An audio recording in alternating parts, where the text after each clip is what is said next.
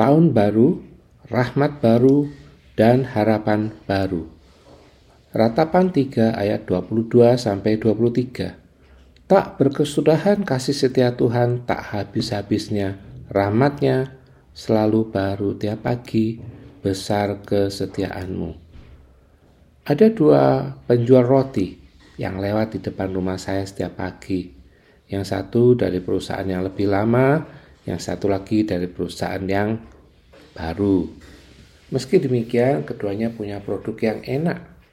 Terlebih jika dibeli pagi-pagi sering rotinya itu masih hangat ya. Jelas roti-roti mereka lebih nikmat jika dibandingkan dengan roti yang sudah berumur sehari atau lebih yang dipajang di toko-toko. Beberapa gerai roti di supermarket ada juga yang menawarkan produk-produk yang masih hangat, fresh from the oven, karena memang diproduksi di tempat. Kita menyukai hal-hal baru, kita menanti film-film baru, lagu-lagu baru, tempat-tempat baru, kafe baru, restoran baru. Kita men menyukai kesuksesan, peningkatan, pencapaian baru. Bahkan hubungan kita pun akan terasa membosankan kalau hanya begitu-begitu saja tanpa ada surprise dan hal-hal yang baru untuk dilakukan bersama. Kita menyukai hal-hal yang baru. Tantangan-tantangan baru pun mampu membuat banyak orang bersemangat karena di sana mereka akan belajar hal-hal baru untuk mencapai keberhasilan yang baru pula. Seperti apa tahun 2022 bagi kita? Bagi saya tahun 2022 sangatlah menarik karena saya mengalami, akan mengalami banyak hal-hal baru dalam hidup. Ada kegiatan-kegiatan yang baru dirintis, ada pencapaian baru, teman-teman baru, pelajaran-pelajaran hidup yang baru yang saya petik, yang dapat saya petik di tahun 2022. Saya termasuk orang yang tidak suka hidup stagnan, berhenti hanya di satu titik, tanpa perubahan, tanpa perkembangan, tanpa kemajuan. Meski saya tidak anti rutinitas, hal baru membuat hidup itu terasa dinamis dan menarik. Di samping kita tetap melakukan rutinitas harian. Ketika ada peluang baru muncul, itu artinya saya bisa mempergunakan talenta, kemampuan, daya kreasi, dan ide-ide yang ada pada diri saya untuk menghasilkan sesuatu yang baru pula. Yang mudah-mudahan membawa manfaat bagi banyak orang. Ya bersyukur dapat memberkati dan yang pasti dilakukan sebaik-baiknya dengan tujuan mempermuliakan nama Tuhan. Jadi, Hal baru membuka peluang baru, membawa tantangan baru yang memerlukan strategi baru juga. Ada yang sudah menampakkan hasil, ada yang belum, ada yang gagal. Tapi yang gagal sekalipun merupakan proses untuk menuju sesuatu yang lebih baik.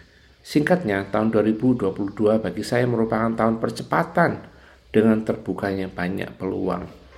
Walaupun kegiatan bertambah dan jam istirahat berkurang, tetapi peluang-peluang dan aktivitas baru membuat saya bersemangat dan tidak sabar melihat bagaimana kelanjutannya. Menariknya, Tuhan pun suka dengan hal baru. Lihatlah apa kata pemazmur di dalam Mazmur 96 ayat 1. Nyanyikanlah nyanyian baru bagi Tuhan, menyanyilah bagi Tuhan, hai segenap bumi. Tuhan menyukai puji-pujian yang baru dari kita, bukan hanya yang itu-itu saja dari tahun ke tahun Tuhan merindukan hubungan yang terus diperbaharui menjadi lebih dalam lagi, iman yang lebih kuat, harapan yang lebih kuat, kasih yang makin besar kepada Tuhan dari tahun ke tahun. Tuhan menantikan perubahan sikap kita ke arah yang lebih baik dan perubahan hidup kita menjadi semakin serupa dengan Yesus. Tuhan menyukai proses kita menuju kedewasaan, kebijaksanaan, dan kerohanian yang lebih maju Tuhan tidak mau kita terus-menerus menjadi manusia yang tercemar dalam dosa, maka Dia pun memberikan kesempatan buat kita menjadi ciptaan baru dan spesial. 2 Korintus 5 ayat 17 Jadi siapa yang ada di dalam Kristus, ia adalah ciptaan baru. Yang lama sudah berlalu, sesungguhnya yang baru sudah datang. Kita diminta untuk membuang ragi yang lama, supaya kita bisa menjadi adonan yang baru. 1 Korintus pasal 5 ayat yang ke-7. Menariknya, dan pujilah Tuhan untuk ini, Tuhan bahkan sudah menyatakan bahwa dia memberi kita rahmat yang baru. Bukan sekali-kali, bukan hanya setahun sekali, sebulan sekali, seminggu sekali, tetapi setiap pagi. Tak berkesudahan kasih setia Tuhan, tak habis-habisnya rahmatnya selalu baru tiap pagi, besar kesetiaanmu. Ratapan 3 ayat 22 dan 23. Begitulah cara Tuhan menyapa kita setiap kali kita bangun di pagi hari. Kalau kita merenungkan hal ini, bukankah itu luar biasa? Tuhan menganggap penting rahmat-rahmat dan berkat-berkat baru untuk dicurahkan kepada kita. Kekuatan yang baru, ide-ide yang baru, kesempatan yang baru. Tuhan besar kesetiaannya untuk selalu melimpahi kita dengan sesuatu yang segar dan baru. Bukan sisa-sisa bukan sesuatu yang kadaluarsa. Dia selalu memberkati kita dengan segala yang terbaik. Masalahnya, sejauh mana kita sadar akan hal itu? Kita kadang suka menganggap Tuhan tidak tanggap terhadap diri kita, seolah-olah Tuhan senang melihat kita susah berlama-lama, pertolongannya seolah-olah terlambat. Kita bahkan sering lupa untuk mengucap syukur dan berterima kasih setiap kita bangun pagi, dan lebih memilih untuk langsung menyibukkan diri bersiap menghadapi aktivitas yang menanti tanpa peduli untuk menyapanya. Padahal Tuhan siap memberkati kita dengan penuh sukacita untuk memulai hari dan melakukan yang terbaik hari ini. Di mata Tuhan kita sangatlah berharga.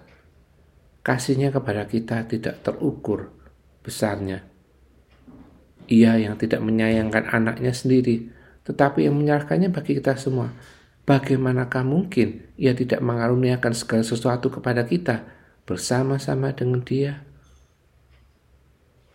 Bapak Ibu, saudara-saudara sekalian memasuki tahun yang baru. Mari kita kenali Tuhan lebih lagi. Marilah kita mengenal dan berusaha dengan sungguh-sungguh mengenal Tuhan.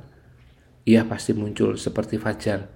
Ia akan datang kepada kita seperti hujan, seperti hujan pada akhir musim yang mengairi bumi. Hosea pasal 6 ayat yang ketiga.